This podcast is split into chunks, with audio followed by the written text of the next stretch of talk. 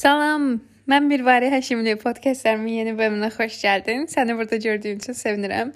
Podkastlara başlayandan bəri ilk dəfədir ki, bu 9-cu bölüm olmalıdır və ilk dəfədir ki, axşam bir bölüm qeydə alıram. Hətta saat 11-ə 25 dəqiqə işləyir və mən bu saatda normalda heç vaxt qeydə almazdım, çünki bu saatda çox yorğun hiss edirəm. Hal-hazırda da olduğum kimi, hətta belə e, makiyajım axda-axacaq vəziyyətdədir. E, çöldən gəlmişəm. E, bu gün praktika, sonra dərs, sonra uşaqlarla, yəni dostlarımla görüşmüşəm. Biraz kaosmatik və travmalarıma aid biraz belə necə deyim, qırıcı və belə ofansiv e, ifadələrlə müzak olan müzakirələrdən sonra evə gəlmişəm, bir çay dəmlədim və hətta çay belə dəmləməyə halım olmadı. Anamın heç sevmədiyi bir tərzdən tok çayniki deyirik biz.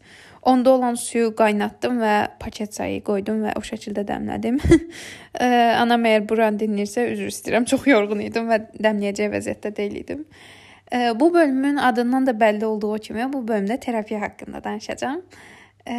Və öz aldığım terapiya haqqında danışacağam. Bu ixtisası seçərkən əslində ən başdan yardıma ehtiyacım olduğunu bilirdim və yardıma ehtiyacım olduğu üçün bu ixtisası seçdiyimin də fərqindəydim. Hətta e, bu ixtisasda olan müəllimlərimizin həmişə dediyi bir şey var ki, bu ixtisasa, yəni seçib gələnlərin heç biri təsadüfi şəkildə gəlmir.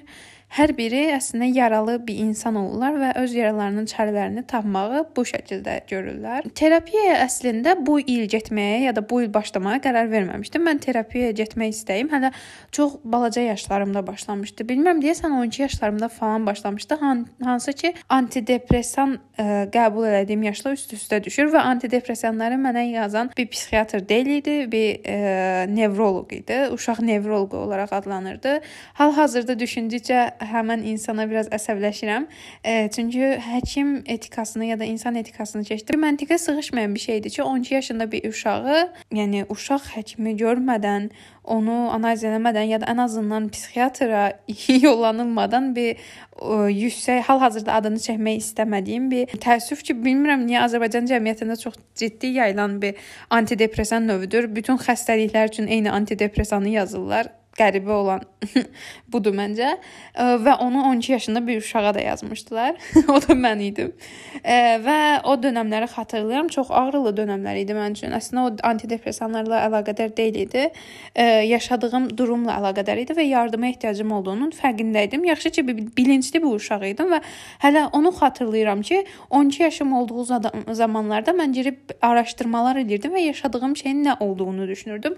Amma sonrasında yaşadığım şeyin çox böyük bir şey olduğunu görmüşdüm və 2 il müddətində də həqiqətən o xəstəliyə sahib olduğumu inanırdım. Bu səbəblə də bir psixoloqa, psixiatra görünməkdə tələbkar idim. Lakin o zamanlar valideyn məsuliyyətsizliyi, daha doğrusu valideyn məsuliyyətsizliyi tam bilgisiz olmaqları səbəbilə bir terapevtin yanına gedə bilməmişdim və terapevtin yanına gedə bilmədiyim üçün mənim vəziyyətim ildən ilə daha ağırlaşmışdı. Düzdür. İlk o travma, yəni üst-üstə yaşanılan iki travmadan sonrakı vəziyyət eyni deyil idi. Hansı ki, o dövrlər səs və görmə hallyusinasiyalarından ciddi şəkildə əziyyət çəkirdim.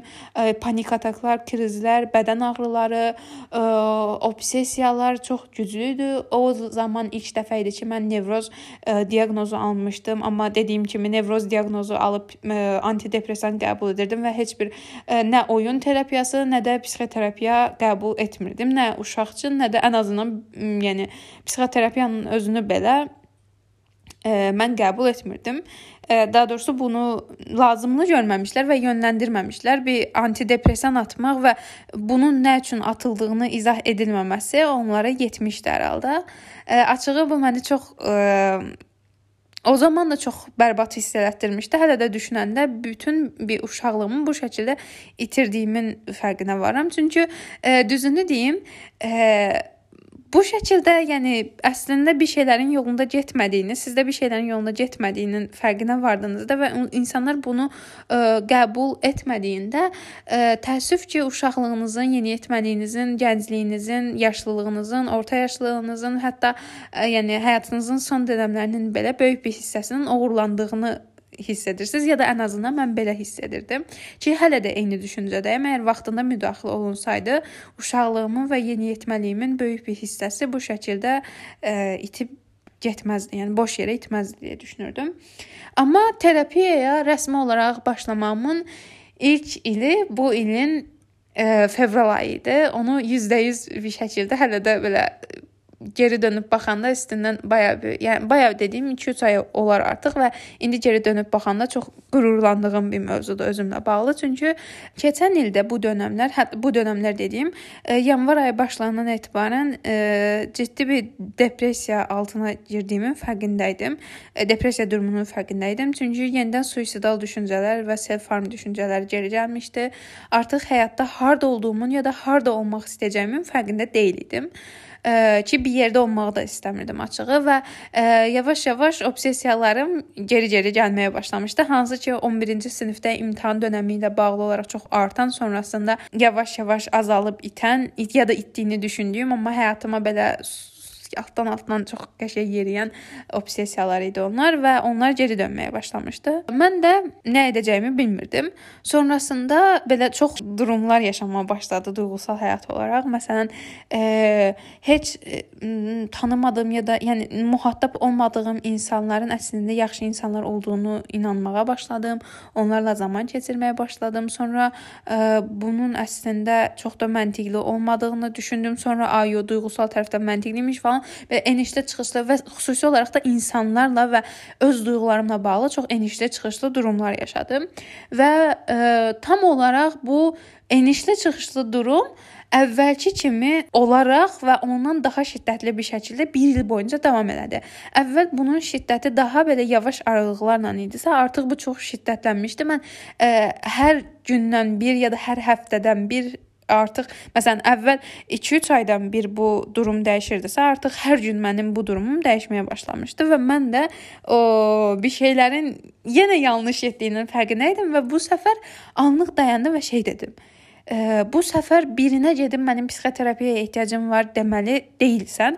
Çünki sən bu ixtisasdasan və artıq həqiqətən ehtiyacının olduğunun fərqindəsən və bu durumun yenidən ciddiləşib səni intihar həddinə çatdırması ya da self harma çatdırması ya da ə, səni ciddi bir depressiyona aparmasını ya da ə, yemə pozuntunu tetikləməsini gözləməməlisən. Çünki ə, bundan öncəki 1 ilində ə, tam olaraq bu dediklərimin hamısı baş vermişdi və mən artıq həyatımın kontrolunu itirmişdim bir növ. Duyğularımın, həyatımın və məntiqimin kontrolu mənim əlimdə deyil idi. Və bunun nəticəsində də əslində bir yandan özümə də çox əzab-əziyyət verirdim. Çünki e, kontrolu buraxmışdım və tuta biləcək gücüm də yox idi, açığı tutmağa həvəsim də yox idi. Və bu səfər dedim ki, bu səfər ən azından bir fərqlilik eləyək. Məsələn, uşaq olanda gedib anasına mənim psixoterapiyaya ehtiyacım var deyən uşaq bir dayansın və artıq onun e, böyük bir bədənə sahib olduğunu və böyük bir ağla sahib olduğunu qəbul eləsin və bu səfər birindən gedib bu psixoterapiyanı ə, e, tələb etməyə əvəzinə özü gedib psixoterapiyaya başvursun və nə olacağını görsün deyə düşündüm. Ə, e, və ə, e, psixoterapiyaya başlamazdan öncəki xatırlayıram, hətta dəqiqliklə xatırlayıram ki, psixoterapiyaya başlamazdan öncəki 27-26 gün öncə ə, bu duyğusal durumlarımla bağlı böyük bir üzləşmə yaşadım və ə, əslində bir yandan insanların üzünə e, üstünə yığdığım duyğusal yüklərin əslində mənim duyğusal yüklərim olduğunun və bu, yəni onlara qarşı olan düşüncə və hisslərimin onlara aid deyil, mənim şəxsi həyatıma və mənim şəxsimə aid olduğunu qəbul etdiyim nöqtədə e, çox böyük bir belə e, üzərimdə yük və baskı hiss etməyə başladım. Bir yandan vicdanım sızlama başladı, bir yandan özünü günahlandırma başladı, bir yandan da həmin insanlara qarşı ciddi bir duyğusal qırğınlıq hiss etməyə başladım. Daha sonrasında dostlarımın əslində e, mənim ehtiyacım olan anda əlimin çatmadığının fərqinə vardığım bir nöqtə oldu və onlarla yavaş-yavaş danışmamağa başladım. Hansı ki, həmin insanlar mənlə məktəbdən bəri birlikdə idilər.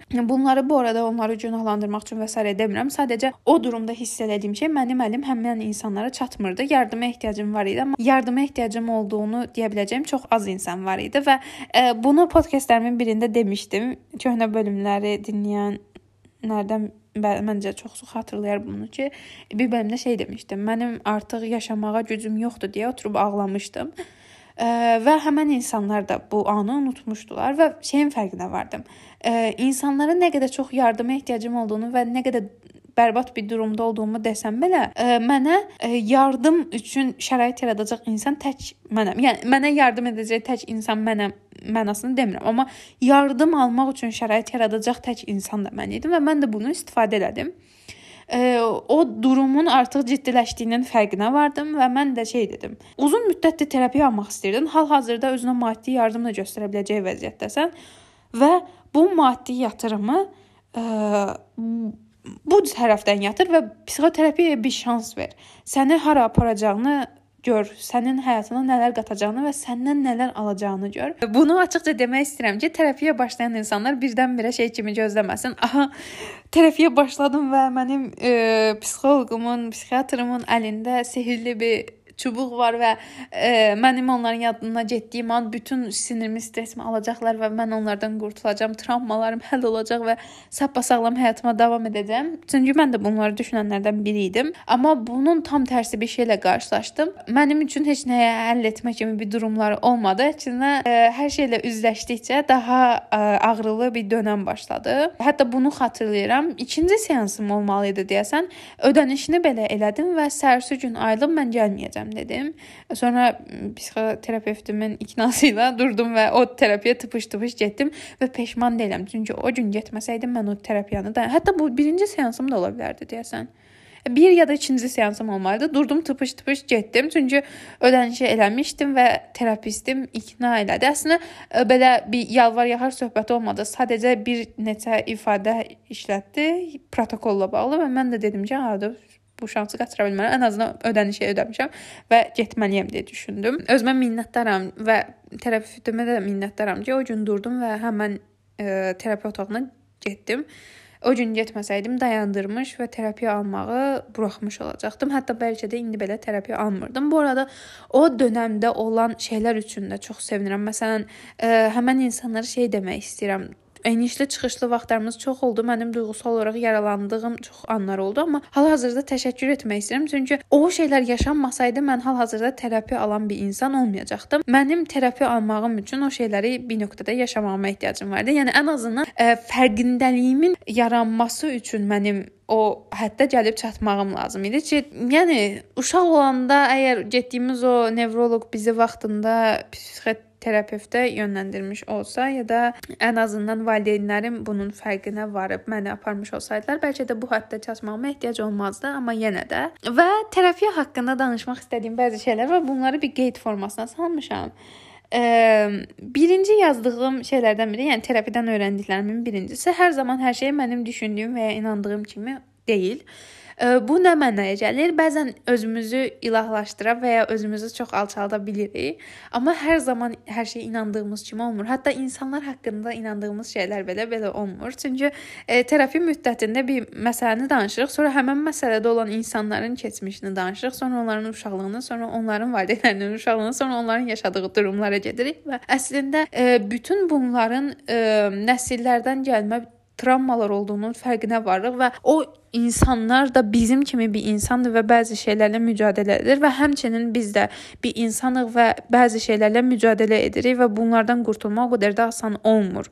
Və bu səbəblə hər zaman hər şey insanlar və çevrəmiz və hadisələr haqqında düşündüyümüz hər şey düşündüyümüz kimi olmur. Biraz təmkinli davranıb nələr olduğunu görməliyik və qarşı tərəfində nələr hiss etdiyini görməliyik. Bunu da bayaq dedim, hiss etdiyim və düşündüyüm bir çox şey məndən öncəki nəsillərdən gəlmədir. Deyəsən məni e, e, valideynlərimlə barışdıran e, nöqtə də məncə bu oldu ki, onlarda olan şeylərin də onlara hansı insanlardan gəldiyini və həmin insanlara da hardan gəldiyinin, mənə də hardan gəldiyinin bir nöqtədə e, başlanğıcını başlanğıcını yox əslində gəlmə nöqtələrini tapdıqca insanın içində bir rahatlama ə, yeri olurdu və mən ə, bunları gördükcə artıq istər-istəməz həmin insanlara qarşı yavaş-yavaş olan ə, əsəbiniz bir nöqtədə soyunmağa başlayır və siz ə, necə deyim, daha empatiya qura bilirsiniz. Yəni bu mənada şey deyirəm, amma buna məcbur deyilsiniz, amma istər-istəməz bu proses baş verir. Bu bir həqiqətdir ki, bu burada da qeyd etmişəm. Bəzi zamanlarda terapi otağına addım atmağım gəlmir. Bu doğrudur bu arada. Bəzi zamanlarda o terapiya, yəni normalda bunu insanlara deyirəm, mən terapiya belə az qala tullana tullana oynaya-oynaya gedirəm, amma hər zaman bu şəkildə olmur. Bəzən həmin terapiya otağına heç girəsim gəlmir və ya ə, terapiya otağından heç çıxasım gəlmir. Çünki bəzən o terapiya otağına girməyə hazır olmuram. Çünki ə, Nə yalan deyim, bəzən o acılardan qurtulmağa hazır olmuram ya da bəzən o travmalarla üzməş, üzləşməyə hazır olmuram. Çünki ə, e, o acılar mənimlə həyat boyu gəliblər. Yəni bir çox xroniki xəstəliklə yaşayan biri olaraq ya da ən azından bir xroniki xəstəliyiniz varsa və ya xroniki xəstəliklə yaşayan bir insanla qarşılaşmısınızsa, bəlkə də bu durumu görmüş olarsınız. Ə, həyat boyu bir acı şey də olsa, həyat boyu onunla yaşadıkca o sizin bir parçanız formasına gəlir və o parçanızı kəsib atmaq insana ə, bir xoşbəxtliyini qurban vermək qədər ağrılı olur. Halbuki o şey ona əzab verir, amma onunla yaşamağa o qədər çox öyrəşmiş olursan ki, onu rahatlıqla qoparıb ata bilmirsən. Əslində bir çox insanın terapiya başlamama səbəbi də bu ola bilər. Çünki o şey sənin bir orqanın kimi ə, gəlir sənə ə, yanlış da olsa, doğru da olsa, mutasyon da olsa və ya olmamalı da olsa, o artıq olduğu və səninlə bir ömür yaşadığı üçün əslində bəzən şey düşünürsən. Mənim olduğum insan bu şeylə əlaqəlidir və mən bunu atarsam olduğum insanı da atmış olaram deyə düşünürsən bir nöqtədə. Yəni ə, mənə bu şəkildə gəlirdi. Əgər bu parçamı ya da bu acımı, bu travmamı söküb alarlarsa məndən geriyə bir şey qalmaz. Çünki mən travmalarımdan oluşmuşam deyə düşünürdüm, amma sadəcə travmamdan ibarət olmadığımı öyrənməyə başladım və mənim e, travmalı bir insan olmağım bəlkə də düzdür. Hal-hazırdakı vəziyyətim üçün bir zəmin yaratmış ola bilər, amma ə, e, keçənlərdə bir video var idi, sosial mediamdan da paylaşdığım, ə, e, uşaqlara aid bir videodur. Bizim onların yaxşı biri olmaq üçün bizim onları incitməyimizə gərək yoxdur. Onlar zaten yaxşı insanlardır.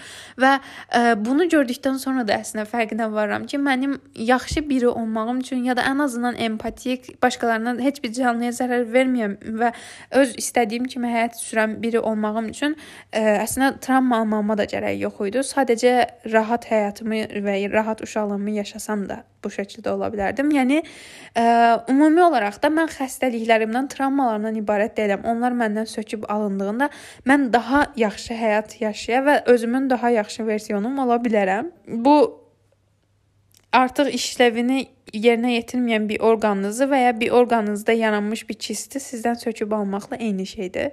Siz o ağırlıqdan qurtulursunuz.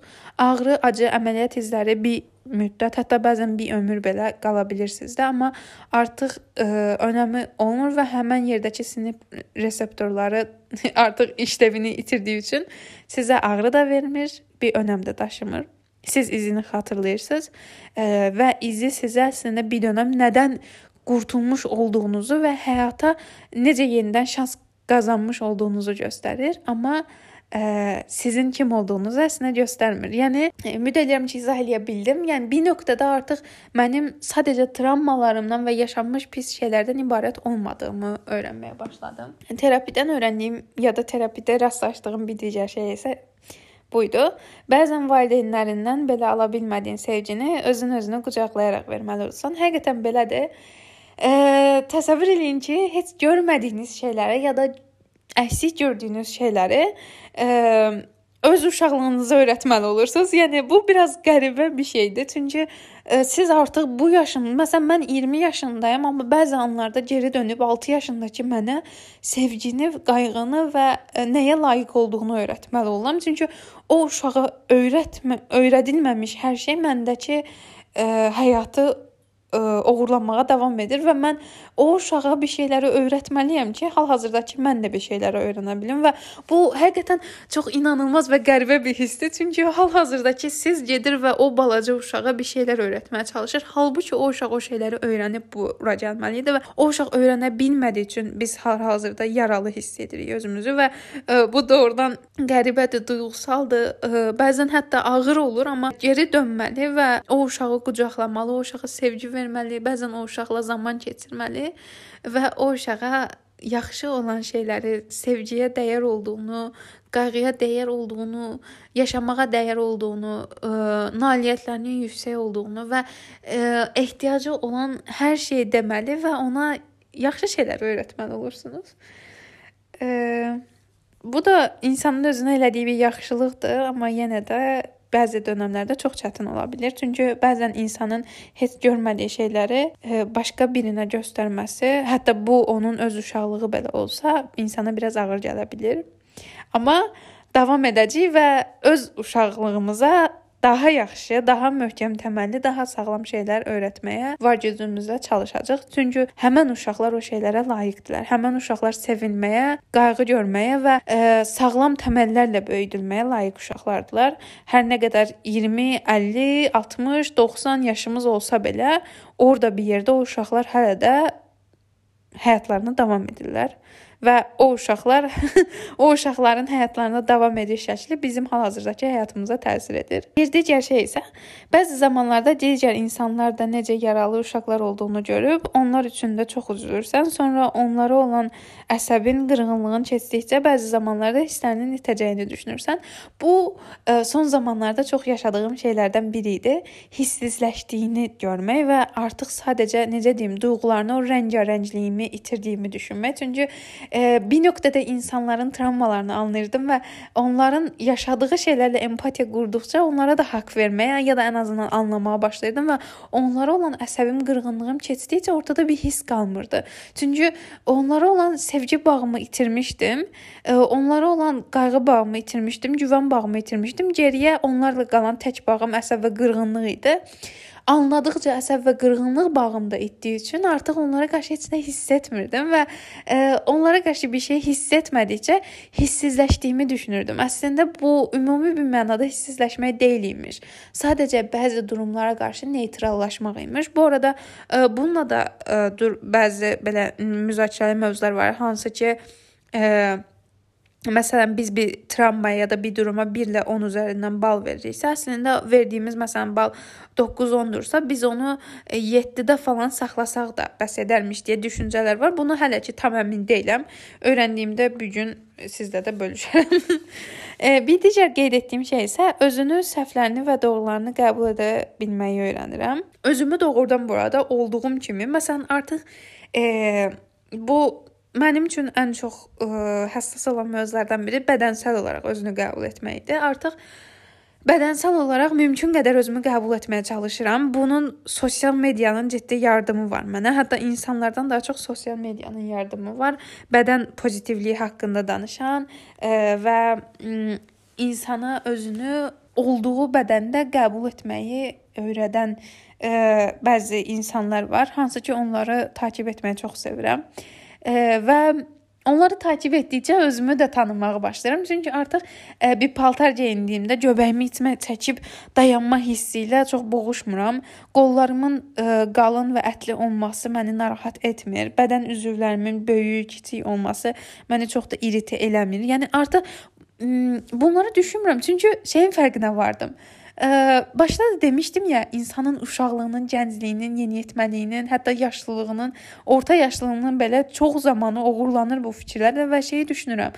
Əgər bunlara önəm verməmiş biri olsaydım, bəlkə də, yəni necə deyim, ə, uşaqlığımın çox böyük bir hissəsini nə yeyəcəyim, nə içəcəyim, necə göründüyüm barəsində düşünərək keçirmişəm və ə, e, bir uşağın düşünməli olduğu şeylər bunlar deyil idi. Yəni bunlar acınası bir şey olduğu üçün demirəm, amma həqiqətən belədir. Yəni ə, e, mən uşaqlığımın bu şəkildə itməsini istəməzdim ya da yeniyetməliyimin. Mən şəkildə ya da insanların gözündə çirkin göründüyümü düşünərək uzunca illərimi itirmək istəməzdim. Çünki mən olduğum formada gözəl olduğumu eşitmirdim və mənim ehtiyacım olan şey bunun mənə hiss etdirilməsi idi və artıq özümə bunu hiss etdirməyə çalışıram. Çünki ə, kilo ala bilərəm. Ə, bunun fərqli səbəbləri ola bilər. Hətta heç bir səbəbi olmadan belə ola bilər. Mən bir insanam, bir bədəndə yaşayıram və kilo alıb verməyim dünyanın ən normal şeylərindən biridir. Bu oturub üzərindən də uzunca bir məqalələr yazılası ya da dərin-dərin düşünüb ya da üzərində komment ediləsi deyil. Artıq insanlar bədənimə baxıb, "A, kilo almısan" deyəndə evdə var idi, yedim deyə cavab verməyi öyrənirəm. Bilirəm bəzən kobud səslənə bilər, amma onlar mənə qarşı bu sərhəddə aşırlarsa, mən də məcbur olub onlara hansı sərhəddə dayanmalı olduqlarını biraz sərt bir dillə ifadə etməli oluram. mən kilo verməklə ya da almaqla bağlı olan müsbət sayılacaq kommentləri də eşitməyi sevmirəm. Burdan bunu dinləyən hər kəsə səslənirəm. Xahiş edirəm mənim kilo alıb verməyimlə bağlı bir komment eləməyin. Və məncə ümumiyyətlə insanlara bu barədə komment eləməyin. Yəni o an necə bir dövrdən keçdiklərini bilə bilməzsiniz və ə, siz bəlkə də məsələn şey düşünə bilərsiniz. E, mən çox uzun müddət kilo, yəni body shaming-ə, yəni bədən e, görünüşü ilə bağlı belə bir bir növ necə deyim, ə, e, hər cürə şeyə məruz qalmış biri olaraq insanlar bəzən şey düşünürlər. Mənə kilo verməyimlə bağlı iltifat eləyəndə məni xoşbəxt edəcəklərini düşünürəm, amma bu şəkildə deyil. Mən ə, e, kilo verməyimlə bağlı bir komment eşidəndə narahatlıq hiss edirəm, çünki birbaşa olaraq bədənimlə bağlı ə, e, bədənimi nəzərdən keçirib ona bir komment etmiş olursunuz və mən bunu sevmirəm. Ə, səhvlərim ola bilər. Səhvlər və doğruları qəbul etmək də əslində budur. Mən bir insanam. Səhv edərək bir şeyləri öyrənirəm. Başqa insanların səhvlərindən və öz səhvlərimdən bir şeyləri öyrənirəm. Hər bir insan səhv edir və mən sevdiyim insanları səhvlərindən qəbul edirəmsə, deməli, ə, həmin empatiyanı mənə sevdiyim insanlar da göstərə bilər və ə, Əgər bu empatiyanı göstərmirlərsə və məni anlayışla qarşılamırlarsa və ya mənim ə, bərbad şeylər eləyəcəyimi ya da mənim yanlış bir şey eləyəcəyimə çox asanlıqla inanan insanlar varsa, həmin insanları həyatımda tutmamalı olduğumu da öyrənirəm. Və bəzən həqiqətən səhv eləmiş ya da doğru eləmiş olsam belə, bunun mənim səhvim və doğrum olduğunu qəbul edib yoluma baxmağı öyrənməyə çalışıram. Bir digər şey isə beynimin necə rəngarəng çalışdığını öyrənirəm və o o rənglərdən birinin də qara olduğunu öyrənirəm. Bu deyəsən son dövrlərdə yox, bir ilə yaxındır ki, çox düşündüyüm şeylərdən biridir. Mən hər zaman belə rəngarəng bir insan olmuşam. Paltarlarım belə çox zaman rəngarəng olur, amma son dövrlərdən çox istifadə etdiyim şeylər rutin rənglərdir və rutin rənglər geyinmək açığı mental cəhətdən də o qədər sağlam hiss etmir insan. Çünki rutin bir alışqanlığınız və tünd rəngləriniz olur və onlar sizə rahatlıq gətirdiyi və ə, e, necə deyim, biraz daha neqativ hisslərdə olduğu üçün ə, e, o komfort zonasına alışırsınız, amma yaxşı olan bir komfort zonası deyil. Ə, açığı bədən dismorfiyası olan zaman, yəni bədəndə yanlış, bədənlə bağlı yanlış algılarınız olan zaman ə, tünd rənglər geyinmək sizi yaxşı kamuflə eləyir, amma bir nöqtədə kamuflədən çıxmalı, yəni komfort zonanızı tərk etməli və sizi biraz oradan itdirəcək və narahat hiss etdirsə belə özünüz kimi hiss etdirəcək şeyləri geyinməli olursunuz və mənim ən sevdiyim şeylərdən biri budur. Ə, bu yalnız geyimlə bağlı deyil, düşüncələrlə bağlıdır. Çox rəngarəng düşüncələrə sahibəm, amma o rənglərdən biri də qaradır. Yəni bəzən qaranlıq fikirlərdə də qapıla bilərəm. Bu o mənaya gəlmir ki, mən bərbad insanam ya da mənim cinayət əməllərə meylim var. Sadəcə rənglərin arasında olan bir rəng qaradır və bütün rəngləri qarışdırdıqda hansı rəngi alınacağını bilirik hər halda.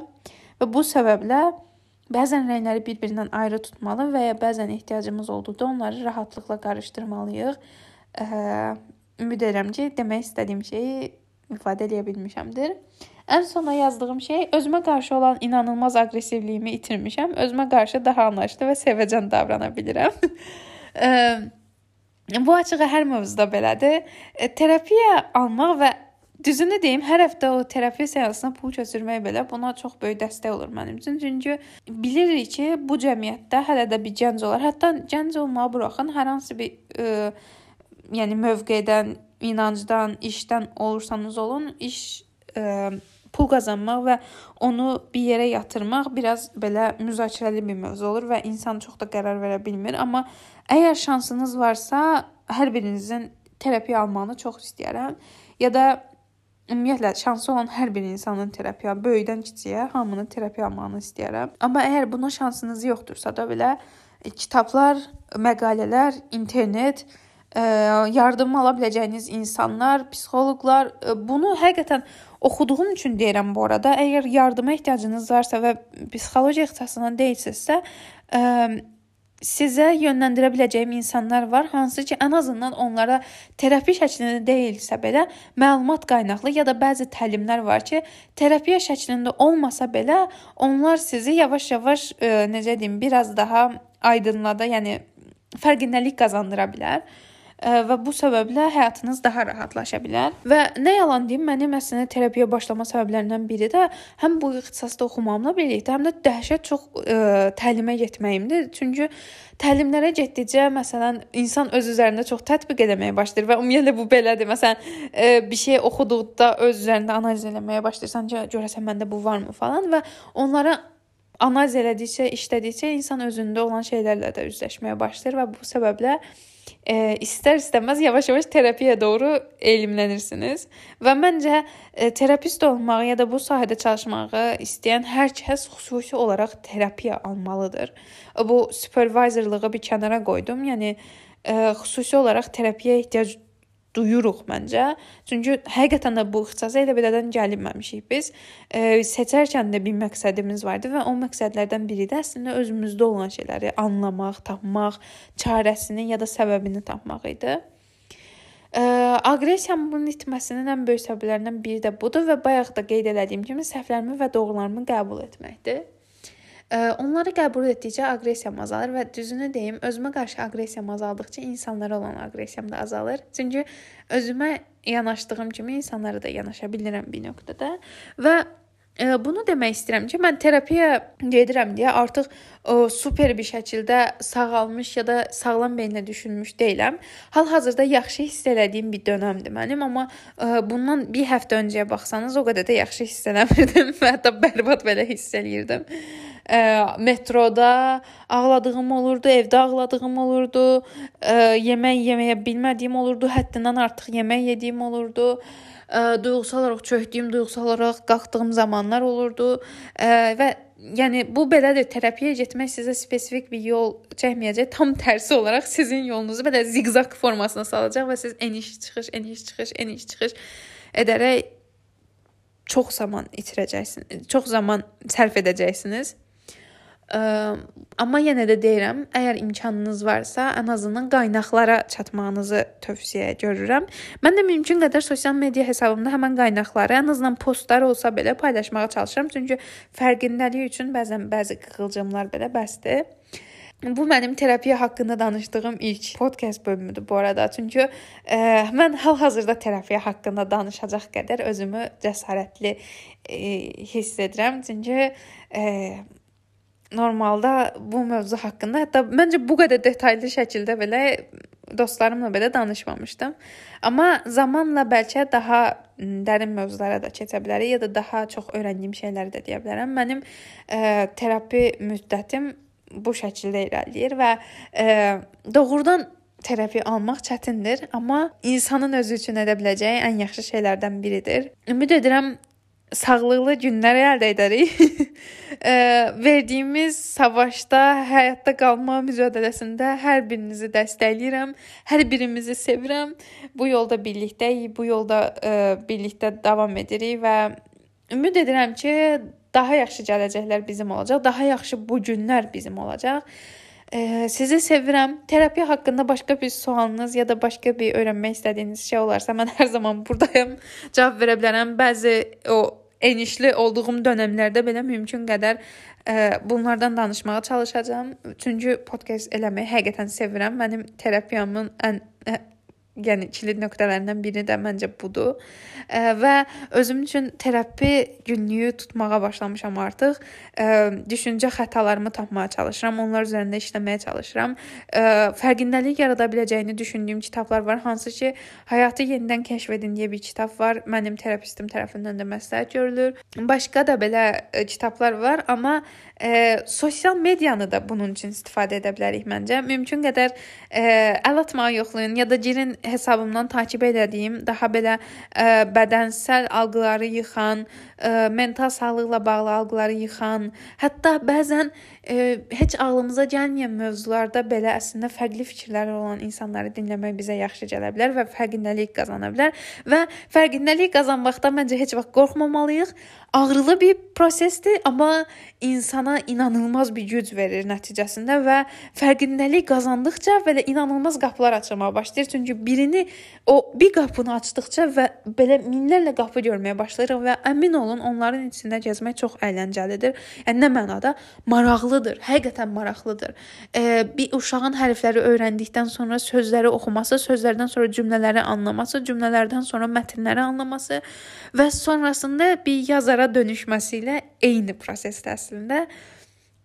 Bu səbəblə çətin olduğunun fərqindəyəm. Mən də o çətinliyi yaşayıram. Hər birimiz o çətinliyi yaşayırıq. Bu səbəblə bir-birimizə qarşı daha anlayışlı və terapi müddətinin biraz ağırlı proses olsa belə insan sağlamlığı üçün ən əsas şeylərdən biri olduğunu qəbul etməliyik. Sizi sevirəm. Dinlədiyiniz üçün təşəkkür edirəm. Bir sonrakı bölümlərdə görüşənə qədər bay bay.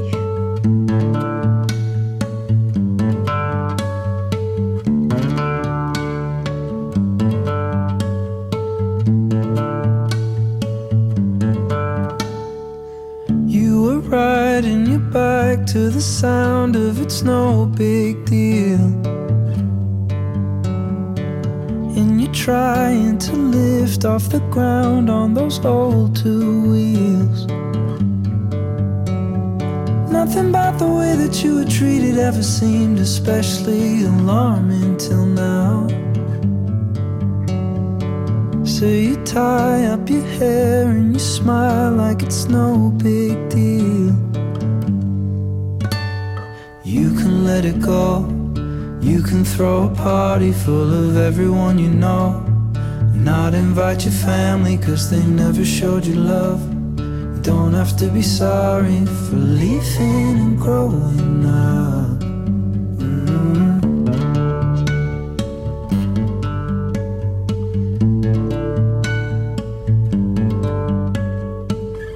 Matilda, you talk of the pain like it's all alright. But I know that you feel like a piece of you's dead inside.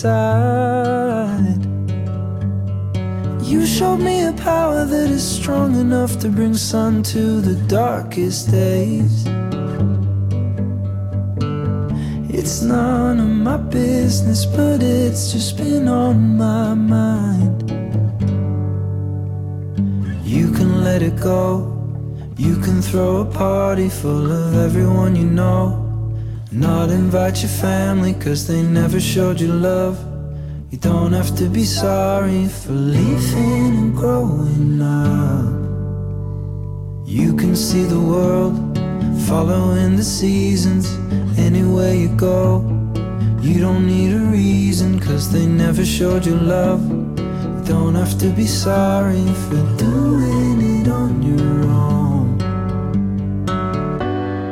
You're just in time, make your tea and your toast. You framed all your posters and dyed your clothes. Ooh, you don't have to go. You don't have to go home. All this a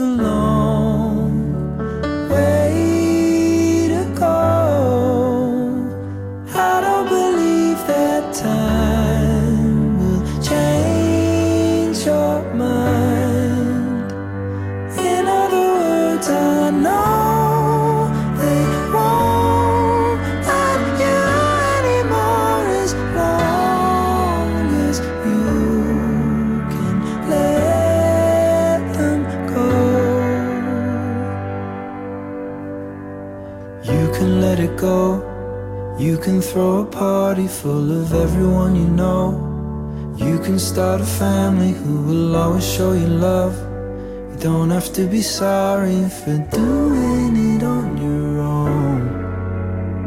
You can let it go. You can throw a party full of everyone you know. You can start a family who will always show you love. You don't have to be sorry, no.